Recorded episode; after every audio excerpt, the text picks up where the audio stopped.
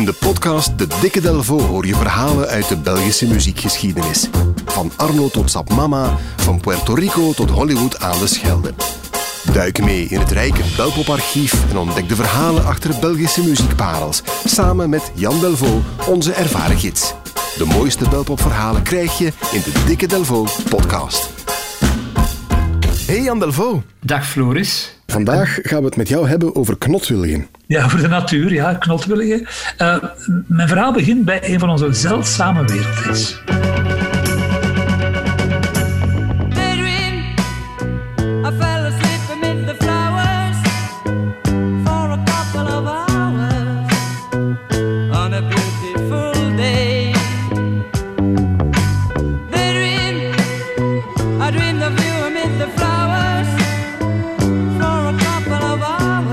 Helemaal willen horen om dan op het einde luidkeels la la la la, la mee te zingen. Maar ja, ja.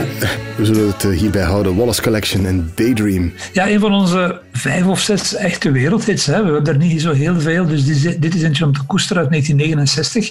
Een bijzondere groep ook, Wallace Collection. Eh, het idee was eigenlijk zeer Belgisch.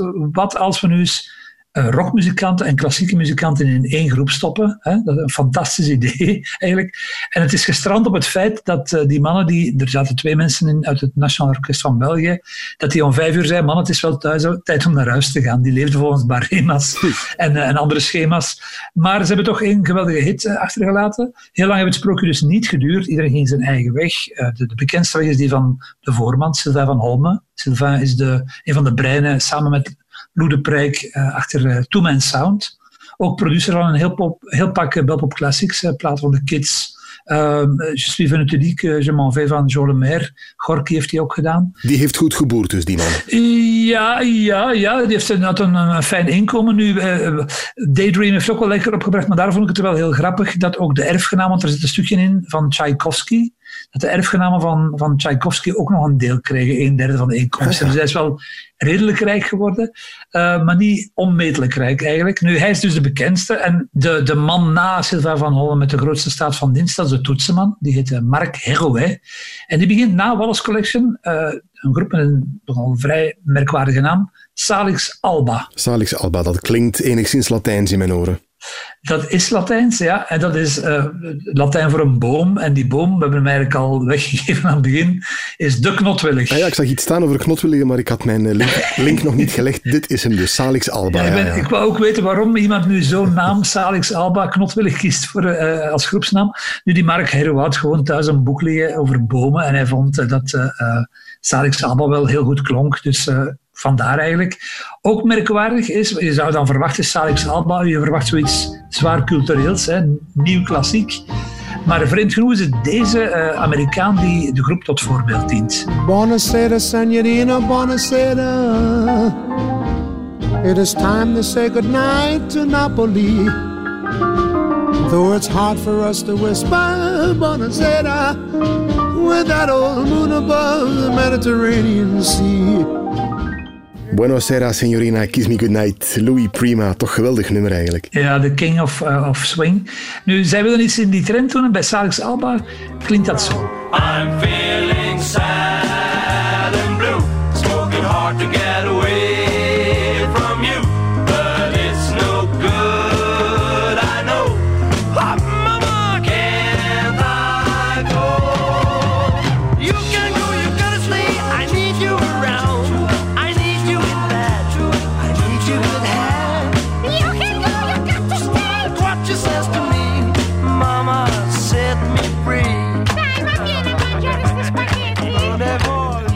Kerouin van de Wallace Collection in de band daarna. Salix Alba, daar hebben we het vandaag dus over een stukje uit Oh Mama.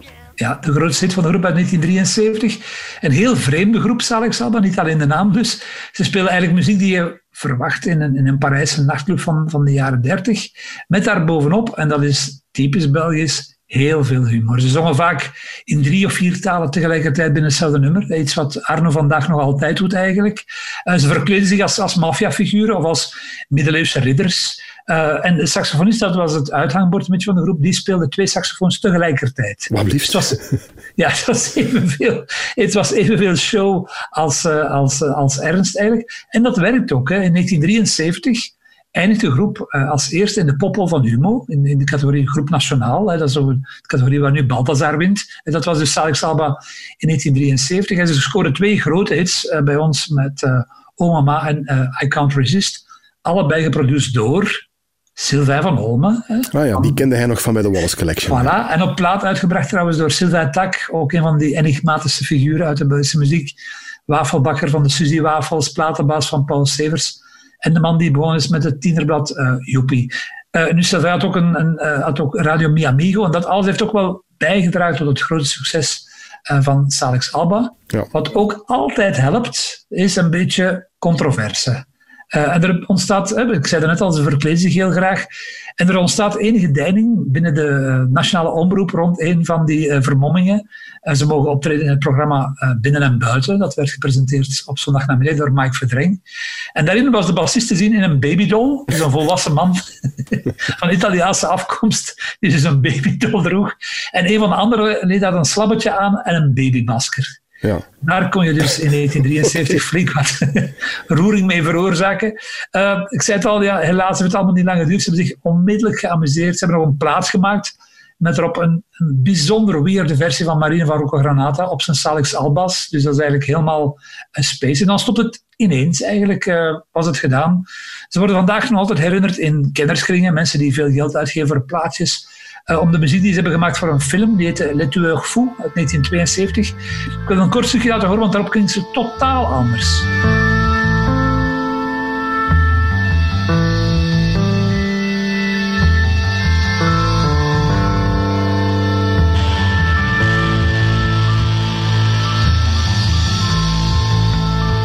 Stukje uit de film Le Tueur Fou, uh, Salix Alba. Helemaal iets anders dan uh, dat Louis Prima Ja, dit was prog hè. Ja, ja, het was eigenlijk heel straffe muzikanten die zich gewoon een jaar lang, waarschijnlijk onder invloed van bepaalde bepaalde middelen zich ongelooflijk hebben uh, geamuseerd. Nu laten we echter uh, luisteren naar Oma, een grote hit, waarmee ze in 73 trouwens ook in het toen iconische tv-programma uh, Avro mochten optreden in Nederland. Hè. Uh, Als Visser heb je daar nog geweten? Zeker en vast, met zijn grote bril op zijn gezicht. Ja. De tv-show waar iedereen die met muziek bezig was naar keek. Nu op het internet vertelt iemand hoe dat er toen uitzag, Salix op de televisie.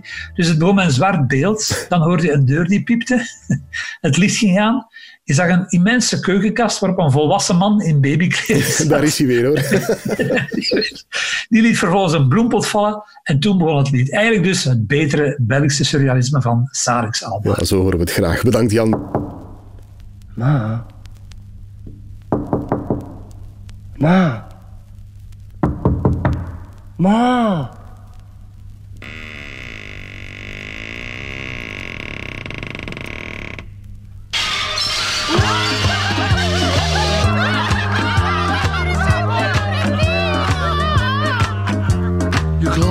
door, you lock the door, you think you're alone.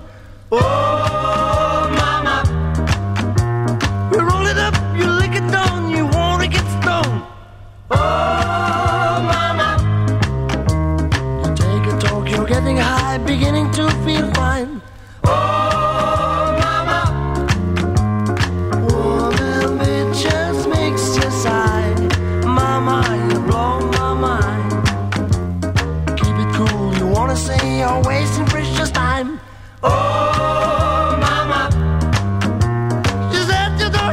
mine. I just feeling you the line. Oh, mama, what can you do? You're so far gone, but woman, gets you down.